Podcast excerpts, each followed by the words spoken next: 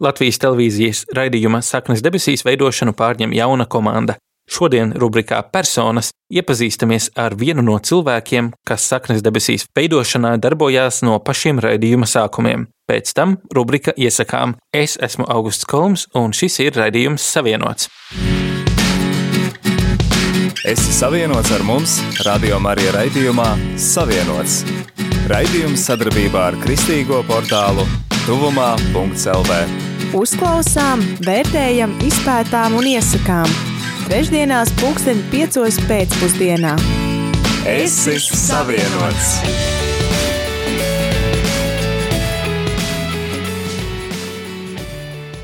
Rubrika Personas. Ar tevi raidījums Savienots. Šodien raidījumā savienots viesojas personāla vadības profesionāli Vanda Brūvele. Vēl pavisam nesen, līdz augusta beigām, viņa darbojās Latvijas televīzijas raidījuma Saknes debesīs veidotāju komandā. Vanda, prieks jūs uzņemt raidījumā savienots. Paldies par iespēju. Labdien! Tad pastāstiet par šo savu kalpošanu, saknes debesīs, kā tā sākās un uh, kā jūs nonācāt tur, kur esam tagad. Raidījuma koncepcijas veidošanās laiks bija 2014. gada rudens, kad Latvijas televīzija izsludināja konkursu par jaunu raidījumu veidošanu. Un Sendija Burka Šecānova, kuru es pazīstu jau vai dieniņu, bez mazliet vai 30 gadus, un ar kuru mūs saist arī kopīga pieredze dažādu radio raidījumu veidošanā. Jau kopš 90. gadiem uzaicināja arī mani piedalīties sākumā kā ideja ģeneratoru, ņemot vērā, ka mēs esam tādas labas domu biedras un esam arī vienotru papildinājušas radio raidījumus veidojot, un vēlāk pavisam nevilšus Sendī uzaicināja mani palīdzēt veidot video sižetus, proti meklēt tos cilvēkus, par kuriem mēs šo sižetus veidosim, ar viņiem sarunāties, būt klāt filmēšanas laikā un pēc tam atlasīt to materiālu tam galīgajam sižetu variantam. Un šeit ļoti noderēja manas personāla vadības prasmes, jo nu, es esmu intervējusi dažādu līmeņu personālu 15 gadu garumā, vai pat vairāk, un es esmu apgūsi ļoti labi prasmes atraisīt cilvēku un ļaut viņam runāt un izteikties par viņam svarīgiem jautājumiem, pašam paliekot otrajā plānā. Un es domāju, ka tā ir tā īpašība, kas ir ļoti vajadzīga, vismaz bija vajadzīga vecajā saknes debesīs formātā, ka mēs ļāvām mūsu varoņiem parādīt sevi no vislabākās puses. Un es biju ļoti priecīga un pateicīga, ka es to varēju darīt. Tagad arī nākot uz šo sarunu, es pārskatīju visus tos failus, tos cilvēkus, ar kuriem mums ir bijis iespēja satikties. Nu, brīnišķīgi. Tas kā Krišāņam baronim bija dainu skats, tā mums ir tā kā saknes debesīs skats, kur katrā atvilktnītē ir kaut kāda skaista tikšanās un iepazīšanās un kopā pavadīta mirkļi un brīnišķīgi dievu dāvana katru sižetu veidojot. Jūs sacījāt vecajā formātā, kas tad ir mainījies? Mainījies ir tas, ka mēs vairs šo raidījumu neveidojam, un tagad ar šādu pašu nosaukumu Latvijas televīzijas pirmajā programmā ir, es atļaušos teikt, pilnīgi cits raidījums ar citu koncepciju, ar citu ideju un citu virsuzdevumu. Kā izpaužas šīs atšķirības? Grūti spriest par to, kas tagad būs. Es varu pastāstīt par to, kas bija šis mūsu uzstādījums. Un šodien es pārlasīju mūsu konkursa pieteikumu, kuru mēs uzrakstījām 2014. gada oktobrī. Un tur mēs skaidri pasakām to, ka mēs vēlējāmies cilvēkiem pastāstīt par to, ka bez politiskām, ekonomiskām, materiālām, emocionālām, seksuālām, fiziskām un visām citām vajadzībām cilvēks ir arī garīga būtne. Un ka harmoniska personības attīstība nav iespējama bez šīs garīgās dimensijas attīstības. Vēl vairāk tā dimensija ir ne tikai garīga, viņa ir vertikāla. Un tāpēc arī raidījuma nosaukums bija saknes debesīs. Proti, ka mēs vēlējāmies skatītāju vest jautājumā un novest uz ceļa, kas aizved līdz šai garīgajai vertikālajai attiecībām ar Dievu. Nemēģinot uzspiest kādu noteiktu formu vai, vai um, dimensiju vai veidu vai konfesiju, bet vispirms mudināt uz to atziņu, ka eksistē augstāka vara, eksistē Dievs, eksistē kaut kas lielāks par mums visiem. Un otrs uzstādījums bija tāds, ka mēs vēlējāmies iedvesmot skatītājus un parādīt cilvēkus, kas ne tikai tic, kādai idejai vai kādām pārliecībām, bet kas mēģina šo visu īstenot arī dzīvē. Jo ir jau viegli runāt par garīgām lietām un pārsteigt vienam otru ar savu izlasīto grāmatu apjomu, bet tā ticība parādās darbos, parādās darbos, kuri tiek veikti mīlestībā, laipnībā, lēnprātībā, žēlsirdībā. Un e, mēs centāmies arī atrast šos tā saucamos cilvēkus parastos, kas varbūt arī sevi tik īpaši nemēģina eksponēt vai rādīt, bet kas dara ļoti lielu un sveitīgu darbu. Un tā trešā lieta bija, ka mēs vēlējāmies visu to, ko mēs darām, darīt ar lēnprātību un mīlestību un labsirdību un sirsnību. Jo nu, citādi es domāju, ka nav jēga tikties un vienam otru censties atmaskot vai pazemot vai mērīties ar kaut kādiem parametriem. Ir jāvairo savstarpēji pozitīvas, labvēlīgas attiecības mūsu starpā. Nu, un tad tos piecus gadus mēs centāmies to visu darīt katrā raidījumā, katrā ierakstā, katrā sižetā. Jūsu atbildē vairāk kārt izskanēja vārds vertikāli. Pierreiz arī raidījums ar šādu nosaukumu pieļauju, ka radio Marija klausītāji to noteikti arī bija iemīļojuši. Kā jūs salīdzinātu saknes debesīs un vertikāli? Nu, ar vertikāli bija tā, ka, manuprāt, tomēr mēs gribējām kaut ko citu, jo vertikāli bija brīnišķīgs un iemīļots raidījums. Es pat to esmu skatījusies, bet šī raidījuma mērķa auditorija tomēr vairāk, manuprāt, bija draugu cilvēki vai cilvēki, kuriem jau ir personīgas attiecības ar Jēzu Kristu. Mūsu mērķa auditorija bija mazliet cita. Tāpēc arī raidījums bija svētdienās. Tie bija tie, kur līdz baznīcai vēl nav tikuši. Un mēs gribējām viņus uzrunāt un viņus kaut kā mēģināt vest jautājumā, un kaut kā mudināt doties, varbūt ne uz baznīcu, varbūt ne uz luterāņu vai katoļu vai baptistu draugu, bet vispār aizdomāties par garīgām vērtībām un par attiecībām ar līdzcilvēkiem. Un šai ziņā es domāju, ka tā bija atšķirība.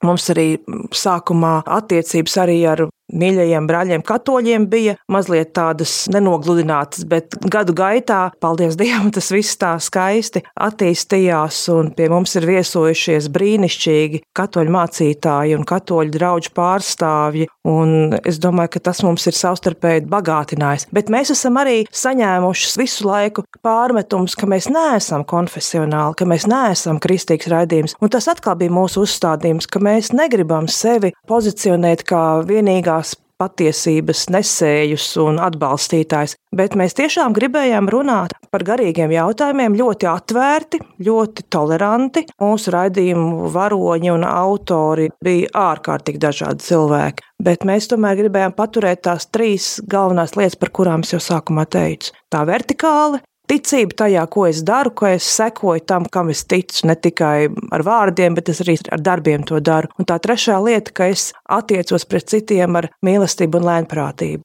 Es savukārt varu pateikt brīnišķīgus piemērus, kur mēs esam tikušies ar cilvēkiem, kas vēl nepazīst Jēzu Kristu, teiksim tā, ja viņi vēl neiet uz baznīcu, bet tās attiecības, kas ir izveidojušās, ir cieņas un laipnības un iecietības pilnas, un es to uzskatu par ļoti labu rezultātu. Jā, mēs esam dažādās baznīcās vai draudzēs, bet mēs savstarpēji viens otru cienām, un mēs visi gribam, lai Latvijā būtu dzīve jaukāka un labāka un skaistāka. Un mēs neejam tālāk tajās atšķirībās un nesākam uzrādīt viens otru grēkus, bet mēs tā kā mēģinām skatīties un fokusēties uz to, kas mūs vieno. Es gribētu tad jautāt, jūs minējāt par aizdomāšanos par garīgām tēmām, par to, ka ir kaut kas tur augšā, vai kā mēs varētu to tā neitrāli pasakīt.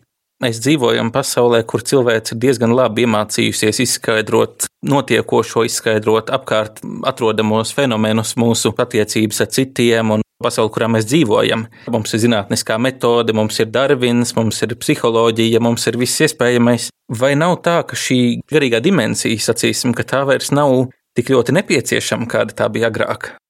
Es domāju, ka cilvēkiem ir tik un tā vajadzīga mīlestība, un to jau nevar neviena teorija dot. Klausoties jūsu jautājumā, es atcerējos to laiku, kad es mācījos filozofijas fakultātē. Ļoti, ļoti sen tas bija, un es arī tad eh, nācu pie ticības, un Protams, ka mani kursa biedri nepalika, viņiem tas nepalika apslēpts, ka es sāku iet uz baznīcu, un tad mēs vadījām ļoti daudz laika šādās diskusijās par to, ko var pierādīt un ko nevar pierādīt. Ja? Un, ka ir taču viss sen jau pierādīts un viss sen zināms, un es nonācu līdz tam, ka ticība dievam ir tomēr ļoti personīga un arī eksistenciāla lieta, un viņa arī nav ar prātu pamatojama. Un tieši tāpēc es domāju, ka ir svētais gars, kas dod ticību. Nu, es neesmu teologs, droši vien man atkal kāds kaut ko pārmetīs, ka neesmu pareizi pateikusi, bet es domāju, ka ticība tā ir dieva dāvana, un tāpēc tās ticības lietas notiek mazliet pēc citiem likumiem nekā tās racionālās, ko mēs varam iemācīties augstskolās un izlasīt grāmatās. Un vienmēr ir tomēr tā personīgā saikne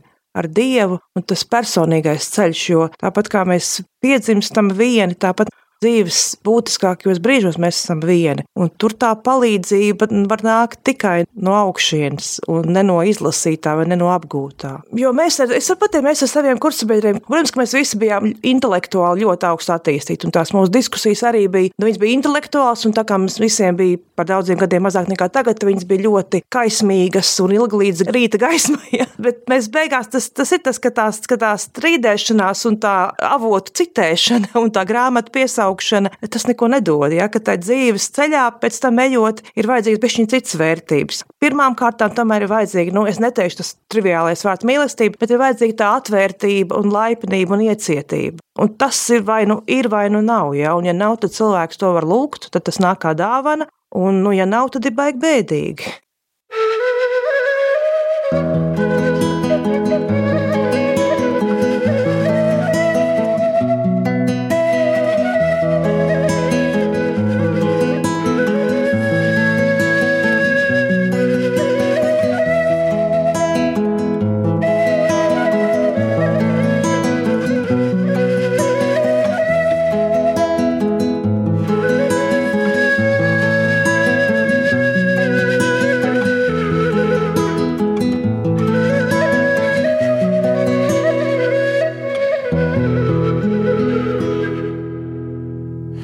Dievu viņa svētajā vietā, slavējiet to viņa spēka cietoksnī, slavējiet to viņa varenības dēļ, slavējiet to viņa bezgalīgā diženuma dēļ, slavējiet viņu ar bazūnes skaņām, slavējiet viņu ar ģitāru un kokli slavējiet viņu ar timpāniem un gavilēm, slavējiet viņu ar stīgām un stabulēm, slavējiet viņu ar šķindošiem dejušķīvīšiem, slavējiet viņu ar skaņajām cimbalām, visi, kam dvāša, slavējiet kungu! Aleluja! Viss, ko tu man šodien dāvā,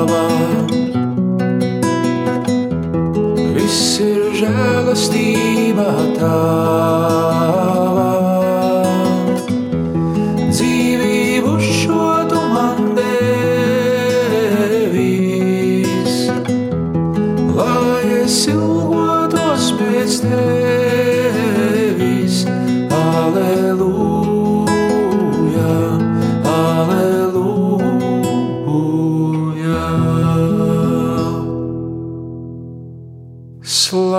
Dievu viņa svētajā vietā, slavējiet to viņa spēka cietoksnī, slavējiet to viņa varenības dēļ, slavējiet to viņa bezgalīgā diženuma dēļ. Visi, kam dvāšā, slavējiet kungu! Aleluja! Viss,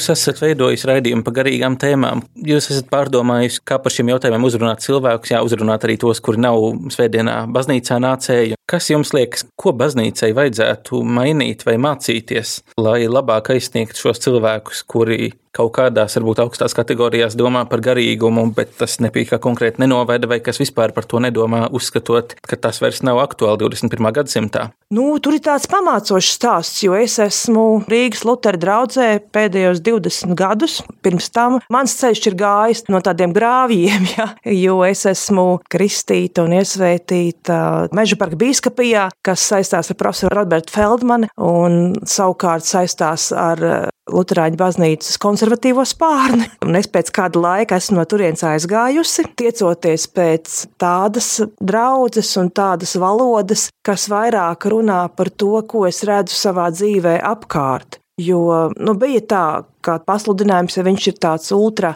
konservatīvs, tad viņš ir mazliet atrauc no reālās dzīves, ja, no tā reālā konteksta, kur tas kristietis pēc tam dzīvo, jo viņš baznīcā dzīvo kaut kādā vienā paradigmā, un tad viņš iznāk ārā no dievkalpojuma, un viņš īsti nemāk dievkalpojumā dzirdētot kaut kā sātiecināt ar dzīvē notiekošo. Ja, un tad iekapsulējās mazliet tajā savā pareizībā, un tad tā kā norobežošanās arī sākās, ka nu, man tur ar to nav pa ceļam, ar šito nav pa ceļam, tāpēc ka man tur neviens nav gana labs vai kaut kā tur tā.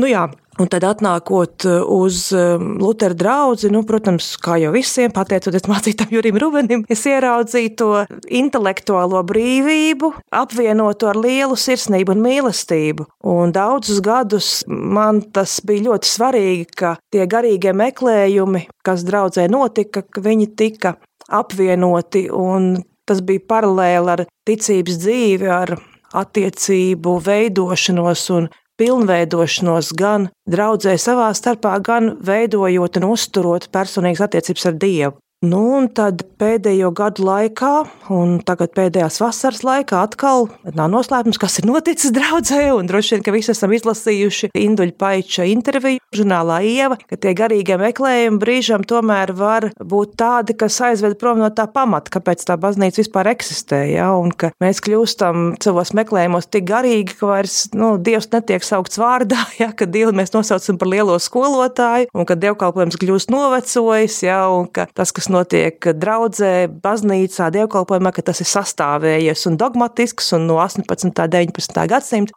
Nu jā, nu man šķiet, ka tā patiesība ir tā kā pa vidu kaut kur, un tas ir arī tāds uzdevums atvērtībai, ka to es atvērts gan pret to vienu, gan pret to otru, un ka tu smelies gan no tās brīnišķīgās, skaistās senās liturģijas, kur tu dzirdi baznīcā, gan tu arī lasi to, ko šobrīd raksta mūsdienu teologi par to, kādas ir jaunas teorijas, par cilvēku savstarpējām attiecībām, par garīgo izaugsmi, par dažādām garīgām praksēm, apziņotību, meditāciju, bet tas viens neaizvieto otru, ja tiem abiem būtu jābūt kopā 21. gadsimtā. Un šai ziņā, nu, pašlaik jāsaka, ka šobrīd es neesmu tādu ideālu baznīcu identificējusi, bet varbūt arī viņai tādai nav jābūt, ja, jo baznīca jau arī atrodas attīstībā un procesā uz kaut kurienu, viņa arī mainās. Un arī šobrīd es ceru, ka manā draudzē arī notiek pārmaiņas, par kurām mēs vēl nezinām, kādas tās būs un uz kurien viņas aizvedīs, bet mana ticība saka, man paļāvība saka, ka Dievs ir klātesošs visā tajā, kas notiek. Es domāju, tā noteikti ir mūsu cerība, mūsu vienīgā cerība. Es gribēju pakavēties pie tā, ko jūs sacījāt par to, ka cilvēks kad viņš aiziet uz baznīcu, ka tā pasaule, kāda tā tur tiek aprakstīta, bieži vien neatbilst tam, ko mēs piedzīvojam, iznākot ārā no baznīcas. Pagājušā gada jūlijā kristīgo internetu vidi šokēja ziņa, ka kristīgo grāmatu, tostarp arī tāda hita kā Ar dievas randiņiem, autors Joshua Harris ir atteicies no savas kristīgās ticības. Viņš raksta, Es esmu pārdzīvojis nozīmīgu pārmaiņu attiecībā uz manu ticību Jēzum. Populārā frāze tam ir dekonstrukcija, bibliskā frāze ir atkrišana. Atbilstoši visām pazīmēm, pēc kā es definēju kristieti, es neesmu kristietis. Daudz cilvēki man stāsta, ka ir citāds veids, kā piekopt ticību, un es vēlos palikt tam atvērts, bet pašlaik es tur neesmu. Un dažas nedēļas vēlāk pielūgsmes mūzikas grupas Hilsonga mūziķis Martīs Samsons paziņoja, ka arī viņš sāk zaudēt savu ticību. Un viņš raksta, nu, jau izdzēstā Instagram ierakstā, cik daudz sludinātāji krīt, daudzi, neviens par to nerunā, cik daudz brīnumu notiek, nedaudzi, neviens par to nerunā. Kāpēc Bībele ir pilna pretrunu, neviens par to nerunā. Kā Dievs var būt mīlestība un tomēr četrus miljardus cilvēku kaut kur aizsūtīt vienkārši tādēļ, ka viņi netic. Neviens par to nerunā. Kristieši var būt visaizspriedumainākie cilvēki uz šīs planētas. Viņi arī var būt kādi no skaistākajiem un mīlošākajiem cilvēkiem, bet tas nav man. Es vairs tajā neesmu. Es gribu īstu patiesību, nevis es vienkārši ticu patiesību. Zinātne nepārstāj caurdurt katras reliģijas patiesību. Daudzas lietas palīdz cilvēkiem mainīt savu dzīvi, nevis tikai viena dieva versija. Kas jums nāk prātā dzirdot šādas pārdomas? Noteikti ļoti atklātas un dziļi sirdī izsāpētas. Ko tas jūsos atbalso? Mani atbalso arī tāda šodienas atziņa, ka tās Bībeles pretruns, par ko viņš runā. Manuprāt, Bībele ir uzrakstīta tieši tāpēc, ka nu, ir tas Dieva vārds, viņš ir tāds, ka lai viņš uzrunātu visus cilvēkus, lai viņš uzrunātu gan to, kam ir divu klašu izglītība, gan to, kam ir doktora grāts. Un tāpēc tā daudzslāņainība, tā ir, manuprāt, tāda īpaša dieva gudrības zīme vai manifestācija Dieva vārdā. Jo tās vienkāršās frāzes un vienkāršās līdzības un teikumi, viņi atkal un atkal par jaunu, viņi ieskanās kaut kādā pavisam citā kontekstā, citādāk. Un, manuprāt, tas ir tas brīnišķīgais, nu, tas ir tas, tas brīnums, tas ir tas, Dieva vārdu mums ir devis Dievs, bet atkal redziet, ir jau saka, ka ja nav svētā gara palīga, nu, tad tas viss tā kā paliek apslēpts. Ja? Nu, es domāju, ka tajā ticībā, par ko šis te kungs stāsta, ka, manuprāt, es domāju, ka viņam vajadzēja lūgt svēto garu. Ja? Un, ko tad viņam tā daudzas tās viņa problēmas tiktu kaut kā, nu, es nedomāju, ka atrisinātas, jo ticības dzīvē arī ļoti daudz noslēpumu, ļoti daudz no to, ko mēs nezinām, kas atspīdēs tikai otrā pusē. Bet es domāju, ka nu, tā svētā gara darbība darbība katrā cilvēkā ir tā, kas nomierina un kas, nu, ka nevajag būt eh, visām atbildēm uz visiem jautājumiem, lai varētu dzīvot tālāk. Ka es eh, galu galā atbildu tikai pats par savu dzīvi, ka man nav jānes uz maniem pleciem visas pasaules neatrisinātās problēmas. Lielākā traģēdija, manuprāt, ko es tā varu iedomāties, ir holokausts. Nu, drausmīgi vienkārši. Ja? Un no vienas puses mēs varam, protams, ka kā Dievs to pieļāva un cik tas ir šausmīgi, un kristiešu Dievs un Dievs ar mums tur un tā joprojām. Ja? Bet no otras puses, atkal, nu jā, bet nu, kaut kā tas viss tā notika. Ja? Un, un varbūt nu, es negribētu kaut kādus argumentus minēt, ka es gribu kaut kādu dievu aizstāvēt, ja? bet man šeit holokausta jautājumi, man pašai viņi bijuši ļoti, ļoti svētīgi. Viss tas, ko es esmu uzzinājusi, man tas ir ļoti stiprinājis manu ticību mīlestībai, ticību dievam. Ir bijuši tās šausmas un ir bijuši tik brīnišķīgi ticības un pārliecības stāsti, kas caur to ir nākuši, kas ir cilvēces tādi ieguvumi un pērlis. Un atkal, otrs puses, ja tā ticības dzīve aprobežojās tikai ar šo pasauli, ja nav ticības tai otrai pasaulē, tad skaidrs, ka tur ir beigie jautājumi. Ja? Bet, ja dzīvo tādā ticībā, ka eksistē dzīve pēc nāves, tad atkal tie jautājumi kļūst daudz dimensionālāki. Nav vairs tikai melns un balts, un nu, es to nevaru saprast, tāpēc mēs aizējām kaut kādās negācijās. Bet atkal, es neesmu teologs, es esmu filozofs. Pēc savas izglītības un diskursa, ja kādā veidā es skatos uz lietām, un tāpēc es domāju, tas atbildes katram pašam jāmeklē. Jautājums, vai tās savas atbildes vajag tā, nu, tur likt Instagramā un tur par viņām manifestēt, tas atkal ir katra paša izšķiršanās. Ja? Cik mēs gribam citus vest sev līdzi vai kaut ko par sevi pateikt, kaut ko stāstot. Vai nav tā, ka baznīca vispār brīžiem varbūt neprot un varbūt līdz ar to arī baidās runāt par šiem jautājumiem un kaut ko vienkārši ignorē. Jūs minējāt holokausta šausmas vai ne šie grūtie jautājumi par to, kā tas var būt, ka ir mīlošs dievs un tomēr ir tāds ļaunums iespējams kādus mazākus ļaunumus mēs katru dienu piedzīvojam savā dzīvē. Un jūs iepriekš minējāt to nošķīrumu par liberāls konservatīvs. Es pat teiktu, ka šis ir pat kaut kas cits, jo gan konservatīva baznīca, tas pats Joshua Harris, kurš raksta par seksuālu atturību, un kam es arī ticu, bet kas, protams, tā ļoti vienkārši skatās uz lietām, un pēc tā, ko dzird, kā mācītāji to stāsta, nevienmēr atbilst realitātei, kurā daudz kristiešu dzīvo vai tāda līksma, Hilsonga slavēšanas mūzika, kam ir sava vieta un tā tālāk, bet kas noteikti arī neaprakst visu šīs pasaules bagātību, visu, ko mēs piedzīvojam, visām realitātēm, visu labo un slikto, sāpīgo, dusmas izraisošo, mūsu neziņu, mūsu šaubām varbūt, kam tur nav vietas. Un tad šie ir tie, kuri neprot atbildēt, bet tikpat labi to nepratīs arī, piemēram, kādā Rietuma Eiropas evaņģēliskā baznīca, kur mācītājs sprediķī pat nepiemina grēku un viss ir labi un skaisti, Jēzus mūs mīl un visur piedevis. un tagad iesim kopīgi praida parādē, piemēram. Un it kā šādas galējības, bet viņi visi baidās runāt par to sarežģīto, par to, kas viņiem ir tā grūtā tēma. Un mēs nonākam tādā nu, tādā situācijā, kur vienīgais, kurš piedāvā atbildes, bieži vien tā ir pasaule un tā ir pasaulīgā vide. Es nezinu, vai jūs šim piekrītat, bet nu, atkarībā no tā, jā vai nē, kā mums iet tālāk, kas ir tas, ko baznīcai un arī ko kristīgiem medijiem darīt.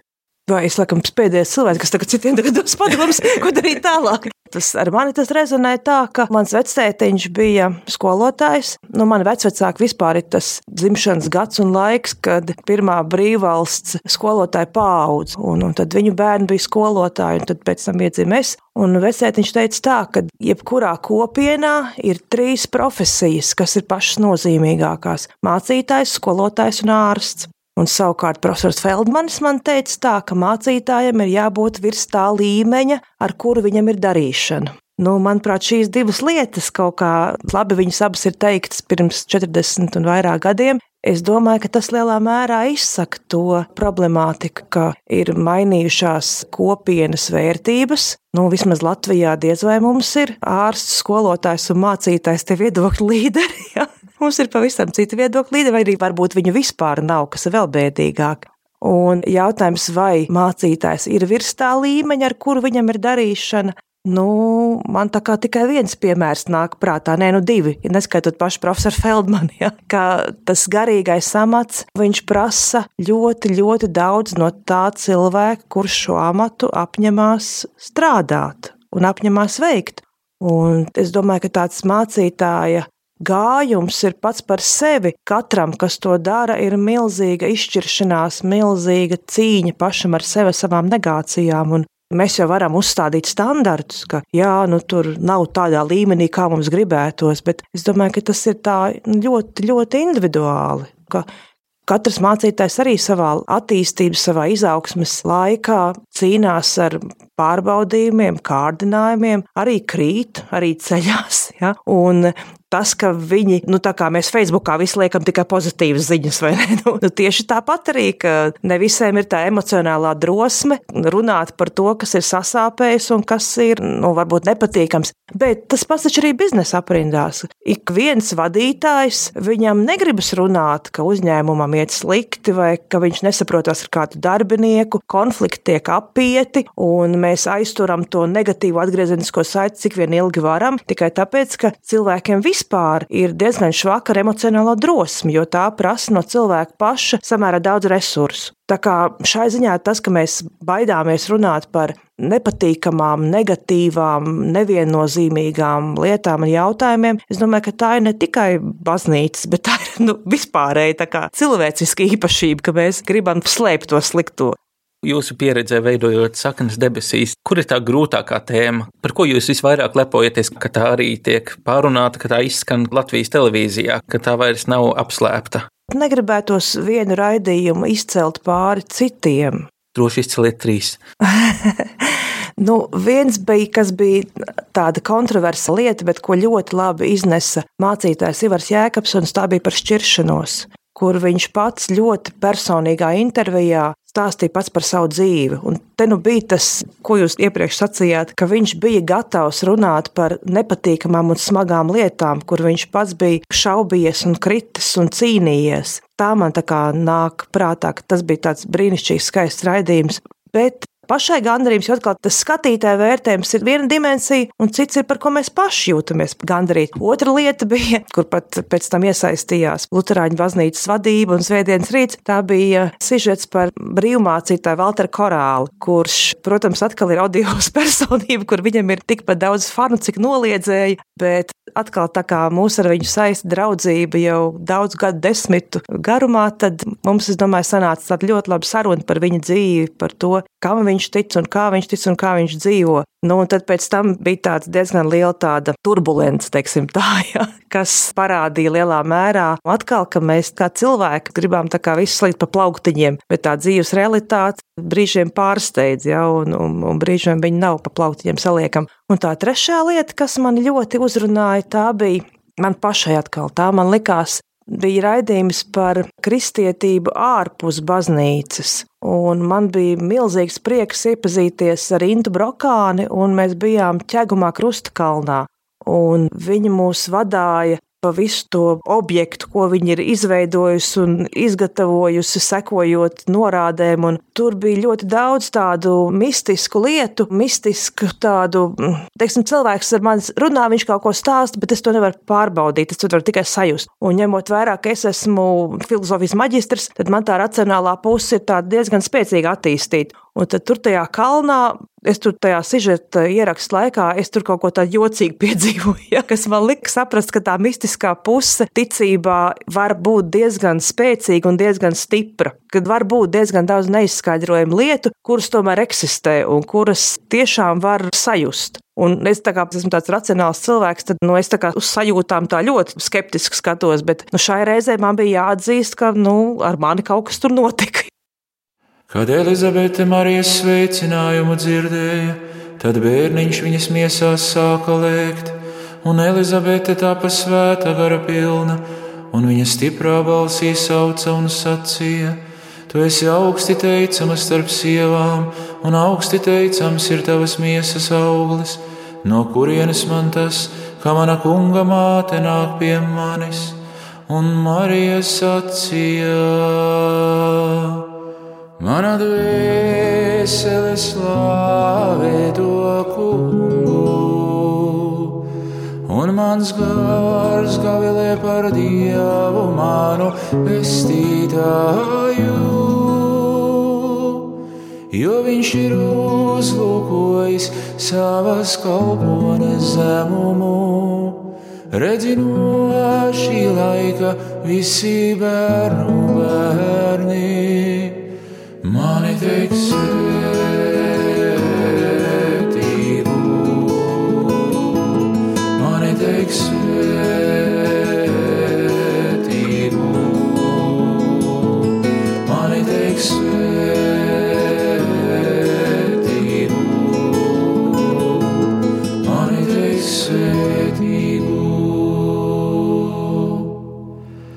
Redzi, tikko tavas sveicināšanas balss atskanēja manās ausīs, tad bērniņš manās miesās ar līksmību sāka lēkt.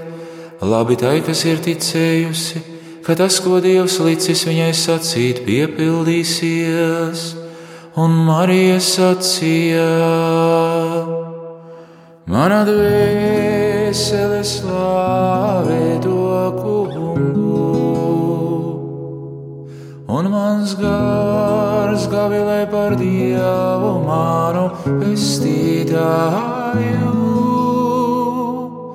Jo viņš ir uzlūkojis savas kalpones zemumu, redzinot šī laika visi bērnu bērni. Mani teiks,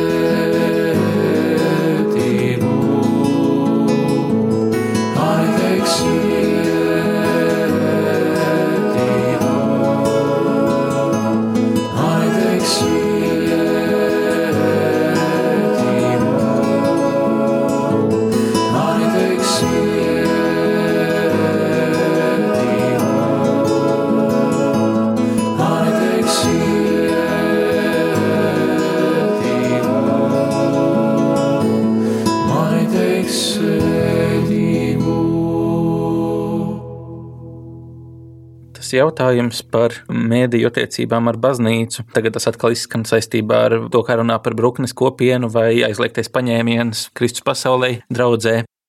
Skatoties uz šīm lietām, kā cilvēkam, kurš sevi saukt par cilvēku iekšpusē, gan mediju vidē, gan baznīcā, ko jūs domājat šo redzot?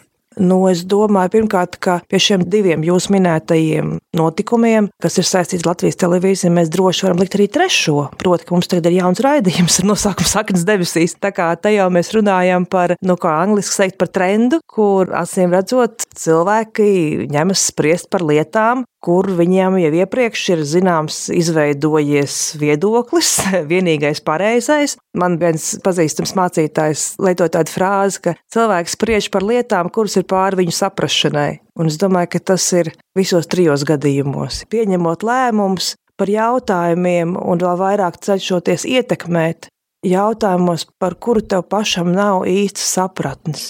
Protams, ka baznīca vērtē no ārpuses, un, protams, ka neviena parādība nav ideāla, un raidījums saņēma daudz kritikas, un es pieņemu, ka arī jebkurā draudzē var atrast par ko šausmināties, vai dieniņa. Es negribētu runāt par manu draugu, jo tad tas būtu tādas Jeremijas gaudu dziesmas ilgā garumā. Bet es tomēr domāju, ka līdz tādai publiskai nosodīšanai, ko mēs ar to panākam? Kāds ir tas motīvs? Kāpēc mēs to darām? Kā vārdā? Kā vārdā mums ir vajadzīga tā atmaskojošā kritika, un tur tie iesūtītie spioni un tie liecinieki un viss tas, ko mēs ar to gribam panākt. Es nedomāju, ka ir jārunā par tikai labo, jo, kā mēs pirms tam runājām, ka ir vajadzīga liela prasme runāt par sāpīgo, par negatīvo, par slikto, bet tad to vajag darīt ar prasmi nevis norādot ar pirkstu, vai atstumjot, vai mānoties, vai kariķējot, nu, tad jau tu paliec tāds pats kā tā otra puse. Es saprotu, ka tā dabiskā tieksme, tās reptiļu smadzenes, kad mēs un tas ienaidnieka tēls, ja, mēs izvēlamies to ienaidnieka tēlu, un tad mēs viņu kaut kā tur noštaukājam, vai tur nobīdām, vai atmaskojam, un tā. Nu, un kas no tā? Tagad brūknes kopiena vairs neeksistē, neturpina darboties priesteris mediņš tagad ir garīgi iznīcināts, nu taču nē. Ir noticis kaut kas daudz bēdīgāks. Mēs esam patērējuši resursus, Pilnīgi bezjēdzīgi. Es darbojos pie tādas Latvijas bērnu labklājības tīkls, kur tos bēdu stāstus uzklausu no tīkla organizāciju pārstāvjiem, ka tā aina ir daudz, daudz šausmīgāka nekā viena brūknes kopiena, ka principā vardarbību ģimenēs un, un tā situācija ir nu, tiešām viņa bēdīga. Bet vai no šādas te publiskas, es pat nezinu, kā lai to nosauc, es nesaprotu jēgu tam visam, es nesaprotu, kāpēc tas jādara. Ko mēs ar to atmaskojam un ko mēs liekam vietā? Vai mēs liekam vietā kaut ko labāku? Es negribētu atbildēt uz to jautājumu, jo iespējams, ka lēmumu pieņēmējiem šķiet, ka mēs tagad atklājam patiesību un patiesība darīs mūs brīvus, bet nu, tā patiesība bez mīlestības un bez tās pozitīvās alternatīvas viņa nogalina. Es neredzu visās tajās trijās lietās, kas nu tagad, nu labi, saknes debesīs, tas nav nekāds tur mega notikums, bet es neredzu to pozitīvo alternatīvu visā tajā. Nākošais raidījums pēc tam, kad Bruknes kopiena tika negatīvā gaismā parādīta, tad nākošais bija par to, ka nav jau kur to palīdzību saņemt, ka mēs atgriežamies pie tā, ka ja cilvēkam ģimenē ir tiešām nepieciešamība pēc atbalsta, tad viņš viņu nevar saņemt Latvijā. Nu, atkal, nu, es neesmu redzējis to raidījumu par šo draugu. Nu, atklāti sakot, nebija vajadzības, nebija vēlēšanās, jo kāpēc man būtu jāskatās negācijas? Man ir sava pārliecība lietās, kurās es stāvu. Es pati raugos uz to, kā es dzīvoju un ko es daru, bet kāda tam ir jēga kaut ko tur atmaskot, nu kur tad ir tā alternatīva? Tad nevajag uz to baznīcu iet, vai nu, tas, ka vajag prast atšķirt garus un prast atšķirt neliešus no tiem, kas nav nelieši, nu tas jau ir ne tikai draudzē, vai ne? Tas jau ir visās dzīves sfērās.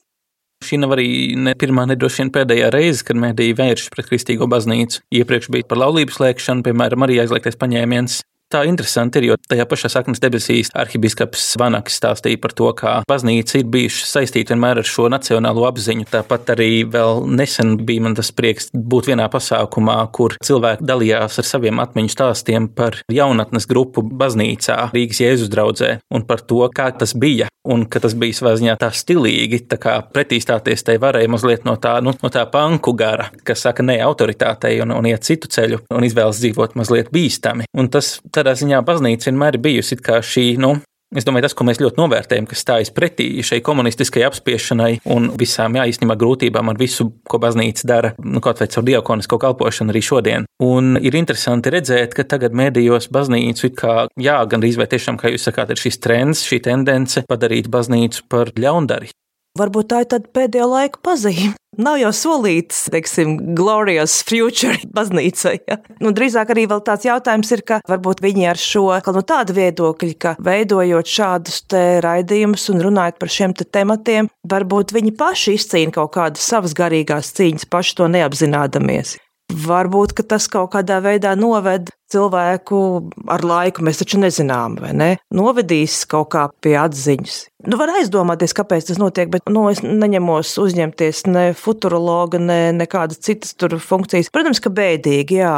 Bet, nu, nu, nezinu, vai tāpēc vajadzētu izsamist, vai vajadzētu vakar, piemēram, ar Sendiju jā, par šo pašu runājām, un viņa ļoti tā, vai, vai, vai kas notiek. Nu, es domāju, ka Dievs joprojām ir dzīvs un Dievs joprojām darbojās. Un, nu, paskatīsimies, kas būs tālāk. Es nejūtos pesimistiski. Es drīzāk domāju, ka varbūt atkal no vienas puses ir labi, ka tās maskas krīt, un ka mēs redzam, kas ir kas, un e, kas tad ir tie lēmumu pieņēmēji, un kādā veidā tie lēmumi, kurā virzienā dodas un par ko viņi ir. Un tad runājot par nākotni, kā jūs skatāties pati uz sevi, kas ir nākamais jūsu izaicinājums? Mans nākamais izaicinājums ir tā kā ir parādījusies brīva resursu niša, kuras līdz šim aizņēma raidījums Saknes debesīs, tad es ar prieku daudz lielāku uzmanību vērstu savam karjeras koču darbam un karjeras konsultantu darbam. Tas manā dzīvē ir bijis viens no lielākiem gandarījumiem būt līdzdalīgai citu cilvēku izaugsmē. Faktiski visa personāla vadība ir par to, ka mēs palīdzam cilvēkiem parādīt savu labāko es viņu darba vietā. Angliski to sauc performing at their peak. Un to es esmu uztvērusi vienmēr kā personāla vadītāja uzdevumu, ka ieraudzīt cilvēku to dzirkstelīti un nolikt viņu tajā vietā, kur viņš atraisās un ka viņš mirdzošām acīm aiziet tālāk savā karjerā. Un es to esmu darījusi gan savā darbā, vairākas darba vietās, un par ko es vēl līdz šim brīdim saņemu ļoti daudz pateicības no cilvēkiem, ar kuriem es esmu strādājis. Gan arī šobrīd es to cenšos, ka, ja cilvēks ir nonācis kaut kādās savās karjeras krustcelēs, un ja viņam vajag iedrošinājumu vai arī ekspertu padomu, jo ņemot vērā, ka es tajā vidē esmu bijis vairāk kā nu, 20 gadus, gandrīz vai tad es ceru, ka man izdosies šo tukšumu aizpildīt ar cilvēkiem, kuriem es varēšu palīdzēt attīstīties no punkta A uz punktu B. Mūsu laiks tuvojas noslēgumam, bet pirms atvedāmies, kur ir labākā vieta, kur mūsu klausītājiem jūs atrast?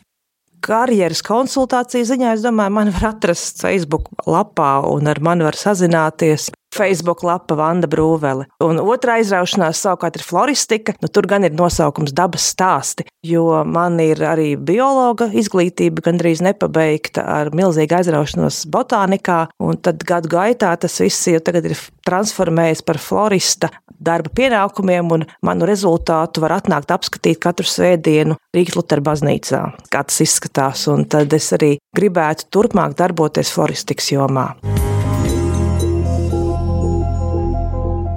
Šī bija saruna ar Vandu Brūveli, kura vēl pavisam nesen bija Latvijas televīzijas raidījuma Saknes debesīs veidotāju komandā. Rubrika Iesakām. Ar tevi raidījums Savienots. Kristīgā mēdīja tuvumā LV redakcija iesaka divas grāmatas jūsu lasīšanas priekam vēsajos rudens vakaros. Pirmā no tām ir liecību grāmata kurš liek ziedēt ābelēm. Tās redaktore ir septītās dienas adventistu Latvijas draugu savienības sieviešu kalpošanas nodaļas vadītāja Mārīte Lipska. Ar Mārīti sarunājās Līga Prikule. Pastāstiet lūdzu par savu apkopoto grāmatu, kam viņa domāta. Grāmata, kurš liek ziedēt ābelēm, ir domāta ikvienai sievietei. Gan gados jaunākai, gan vidējos, gan jau senioru vecumā, jo Dievs mūs katru vada savādāk, bet mūs katru aicina liecināt par viņa darbiem, jo šajā grāmatā ir atbildēts lūkšanas. Tad, kad mēs dzirdam stāstus par to, kā Dievs mūs ir vadījis, kad mēs liecinam, tas stiprina ik viens mūsu ticību, un tas arī mūs iedvesmo vairāk uzticēties Dievam. Un daudz sievietes bija atsaukušās uzrakstīt savus liecības, un tas nemaz nav tik vienkārši iesaisties un rakstīt, un vienkāršāk ir vienkārši izstāstīt. Bet tad, kad šī liecība ir uzrakstīta, tā ir paliekoša vērtība. Un šīs visas liecības ir dažādām dzīves situācijām. Piemēram, ir liecība vairākas liecības par to, kā no Dieva noliedzējis tu kļūsti par Dievu sekotāju, kā neauglīgās piedzīvo brīnumu un kļūst auglīgas, kā Dievs palīdz atjaunot attiecības, kas salabo šīs sastarpējās sarežģītās attiecības un pat uzlabo kā Dievs pat izsūta savus eņģeļus situācijā, kad liekas, ka nekas nevar cits palīdzēt, un kad vispār vai kāds var palīdzēt, bet kad tomēr uzticās Dievam, tad Dievs brīnumainā veidā sūta pat eņģeļus. Vai tās sievietes ir no jūsu draudzes vai no? Sievietes ir gan no mūsu draudzes, gan arī no citām draudzēm, jo Kristīgajā radio tika arī uzrunātas sievietes, un tā kā jebkurš varēja rakstīt šai grāmatai liecību, kurš to vēlējās. Paldies, un ko jūs gribētu novēlēt grāmatas lasītājiem? Es gribētu novēlēt uzticēties Dievam, un, ja kāds izvēlēsies šo grāmatu nopirkt, kas ir arī pieejama kristīgā grāmatā Āmnes un arī mūsu patmas centrā, ka Dievam tiešām nav mazu lietu, un ka Viņš ir mūsu tēvs, pie kā mēs varam nākt jebkurā situācijā, un viņš mūs saprot, gan mūsu sāpes, mūsu kļūdas, mūsu bēdas, nastas, izmisumu, mēs visi varam nolikt pie viņa kājām un piedzīvot, cik viņš ir labs un stāstīt un liecināt citiem par viņu varenajiem darbiem. Tāpat aicinām izlasīt Lutherisma mantojuma fonda šogad latviešu valodā izdoto amerikāņu mācītāja Marka Paustjena grāmatu Prast atbildēt Par šo grāmatu lūdzām pastāstīt fonda vadītājam, mācītājam Jurim Uļģim. Sveicinu radio klausītājus Lutherismu mantojuma fonda vārdā. Mani sauc Juris Uļģis un es vadu šo fondu. Lutherismu mantojuma fonds Latvijā darbojas jau 27 gadus, un mūsu galvenais mērķis ir bijis tulkot, drukāt un izplatīt kristīgu literatūru. Nesenā pagātnē mēs izdevām grāmatu Prast atbildēt, kuras autors ir Marks Paustjēns, Lutāņu mācītājs ASV, un šo grāmatu mēs gribējām izdot arī kā veltījumu varbūt daudziem jums pazīstamam Jānim Šmitam, kurš no mums negaidīti aizgāja 51 gadu vecumā, mūžībā, un eh, šajā grāmatā jūs atradīsiet daudz un labus piemērus tam, kā dalīties ticībā, balstoties svētajos rakstos. Proti, mēs jau zinām, ka mēs dzīvojam tādā kontekstā un sabiedrībā, kur pret kristīgo ticību ir daudz iebildumi, kritika, varbūt pat smieklis un nievas. Ja neitrālāk izsakoties, mums kā kristiešiem ir daudz izaicinājumu šajā pasaulē. Cilvēki uzdod dažādus jautājumus, piemēram, nav absolūtas morāles, precēties vairs nav nekādas jēgas, Reliģija ir kruķis vājajiem, stiprajiem tā nav vajadzīga. Cilvēki arī saka, ka viņi tic reinkarnācijai, un tas it kā varbūt ejot kopā ar kristīgo ticību. Baznīcai interesē vienīgi nauda, un tā tālāk un tā joprojām. Citiem vārdiem sakot, šī grāmata ir tā, ko mēdz saukt par apoloģētikas grāmatu, proti, tā ir grāmata, kas mēģina aizstāvēt kristīgo ticību pret dažādiem kritiskiem jautājumiem. Un, protams, ka mūsu ikdiena, ne tikai luterāņu ikdiena, bet arī citu konfesiju piedarīgo ikdiena, bieži vien ir aizstāvēšanās. Un līdz ar to mēs ceram, ka šī grāmata varētu būt ļoti noderīga lasām viela visiem tiem, kas grib apliecināt savu ticību ikdienā un atbildēt uz šiem dažādiem skeptiskiem jautājumiem. Par šo grāmatu vairāk varat uzzināt Lutherisma mantojuma fonda mājaslapā LMF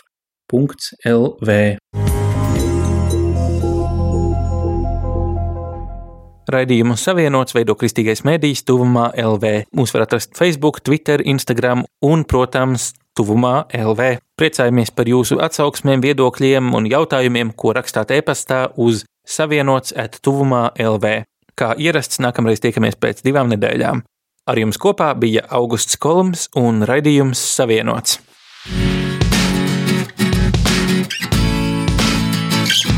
Tu klausījies raidījumu Savienots. Būsim atkal ēterā trešdien, pulksten piecos pēcpusdienā.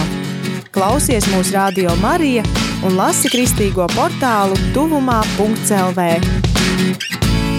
Es esmu savienots!